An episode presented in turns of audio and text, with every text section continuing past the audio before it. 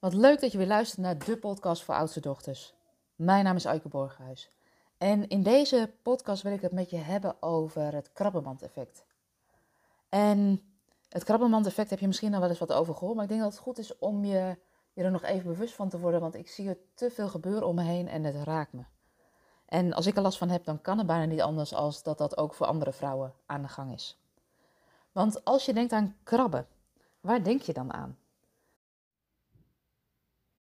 Mijn eerste associatie is dat je ergens wat irritatie voelt, dat het jeukt. Um, maar wat je. Een associatie die ik heb is mijn twee dochters die uh, elkaar te lijf gaan met hun nagels. Maar ook um, volwassen vrouwen die naar elkaar uithalen met hun nagels. Het soort bitchfight. En wat je ziet is dat meiden en vrouwen die uithalen met hun nagels zich in het nauw gedreven voelen of zich bedreigd voelen. En tegelijkertijd is het woord krabben ook afgeleid van het woord krabbenmand-effect. Dat is bedacht in de vrouwenbeweging om het gedrag van vrouwen die andere vrouwen naar beneden trekken te duiden.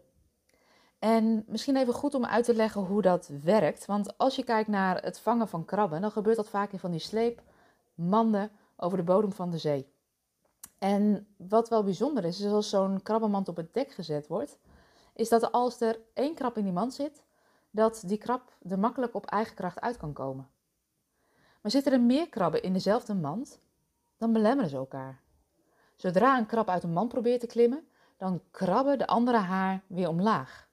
En zo blijven de krabben, en zo blijven de krabben in de mand zitten zonder dat de vissers in de gaten hoeven te houden of uh, de mand af te hoeven sluiten. En met krabben in deze context bedoelen we dus vrouwen die andere vrouwen naar beneden halen. Haar klein proberen te houden door bijvoorbeeld afkeurend over haar te praten of haar iets niet te gunnen. En het gaat om het onnodig oordelen wat vrouwen over andere vrouwen doen. En dat dit gebeurt is niet zo heel erg gek, maar wel iets om je bewust van te zijn, omdat we dan kunnen gaan veranderen met elkaar. Want de effecten van het krabbenmand-effect is groot. Want het houdt vrouwen niet alleen individueel, maar ook als groep klein. En als je een andere vrouw niet uit de mand laat klimmen, dan kan zij de andere vrouw ook niet uit die mand trekken. Maar hoe komt het nou dat we als vrouwen onderling ook krabben? Wat je in de praktijk vaak ziet, is dat we best wel een beeld hebben meegekregen van wat een vrouw zou moeten zijn of wat een vrouw zou moeten doen. En dat beeld is vaak ook gevormd door onze omgeving, door onze context waarin we ons bevinden. En het heeft dus ook vaak te maken met aangeleerd gedrag. Want kijk eens waar je het krabben allemaal ziet. Je ziet het bijvoorbeeld op het schoolplein. Als je veel werkt, dan ben je een ontaarde moeder. Werk je niet, dan vergooi je kansen in je carrière. En welke keuze je als vrouw maakt, je doet het eigenlijk nooit goed.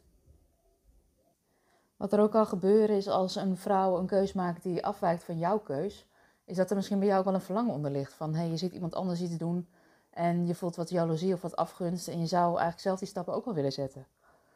De eerste stap is, is dat we ons bewust worden van dat we af en toe ook krabben. Want als we ons bewust zijn van ons krabbengedrag, kunnen we dat ook veranderen, kunnen we het ook beïnvloeden. En we zouden vrouwen die uit die mand willen klimmen juist mogen stimuleren, omdat ze ons vervolgens ook weer kunnen helpen om ons uit die mand te kunnen trekken. Het vraagt dus bewustwording van ons dat we krabben en het vraagt de bereidheid van ons om het anders te kunnen doen. Want wat ik je zou gunnen is dat je jezelf bevrijdt om ook zelf die mand uit te klimmen, de wereld in te gaan. Want daarmee ben je ook een voorbeeld en geef je anderen ook toestemming om dit ook te kunnen doen. En je laat ook zien dat het mogelijk is. En daarin ligt volgens mij ook het avontuur, het plezier en de voldoening. En daarom denk ik dat het ook zo belangrijk is dat vrouwen elkaar gaan steunen in de stappen die ze zetten. En dat is voor mij ook de reden dat ik sinds 2019 werk met jaargroepen. Met kleine jaargroepen, maximaal acht vrouwen die voelen dat ze het verschil willen maken. Die voelen dat ze impact willen maken. Die bezield willen leven en werken. Maar dan op hun voorwaarden, op een manier die bij hun past. En dat doen we vanuit systemisch perspectief. Want de vrouwen voor wie zo'n jaargroep geschikt is, zijn vrouwen die al op leiderschapsposities in organisaties zitten. Of de ambitie hebben om dat te gaan doen en ondernemers met een winstgevend bedrijf. Die zichzelf ruimte gunnen om één dag in de maand afstand te nemen van de waan van de dag. Want je weet zelf ook, als het niet gepland is in je agenda, gebeurt het niet. Dan laat je er toch vaak wat anders overheen gaan of prioriteit krijgen boven die dag voor jezelf. En wat zo fijn is aan die groep is dat je je bewust wordt van wie ben ik als leider. Want als jij jezelf kan leiden, heb je ook alles in je om ook anderen te kunnen leiden. Of vorm te geven aan de verandering die jij wil zien in de wereld. En dat systemisch perspectief biedt net een extra tool aan je gereedschapskist, waardoor je leert werken met wat er in de onderstroom speelt, met wat er in het systeem speelt. Waardoor je vaak met veel minder moeite veel meer resultaat kan bereiken. Dus wat brengt het je? Het brengt je een club vrouwen met wie je een jaar lang samen optrekt, zodat je het niet langer alleen hoeft te doen, zodat je een groep hebt met supporters die je steunen als je spannende stappen gaat zetten, met wie je kan lachen, met wie je kan delen, met wie je samen kan leren en ontwikkelen. En die groep die moet veilig zijn. En daar zorg ik voor. Dus mocht je nou voelen dat je wel toe zou zijn aan je leiderschap nog verder verstevigen en je wilt dat niet alleen doen, maar graag samen met een kleine groep bezielde vrouwen, weet dan dat je van harte welkom bent voor een persoonlijk adviesgesprek. Dat gesprek doe ik met alle mensen die, of alle vrouwen die interesse hebben in deelname aan de groep, omdat ik het belangrijk vind dat de groep klopt. Ehm, want ja, je trekt een jaar samen op, dus het moet kloppen. Dus mocht je voelen van, oh, dit zou wat voor mij kunnen zijn, neem dan contact met me op.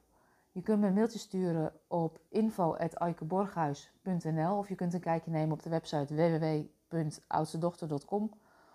En mocht je interesse hebben, dan kun je daar ook een afspraak met me maken. We zijn alweer aan het einde gekomen van deze podcast over de krabbenmand.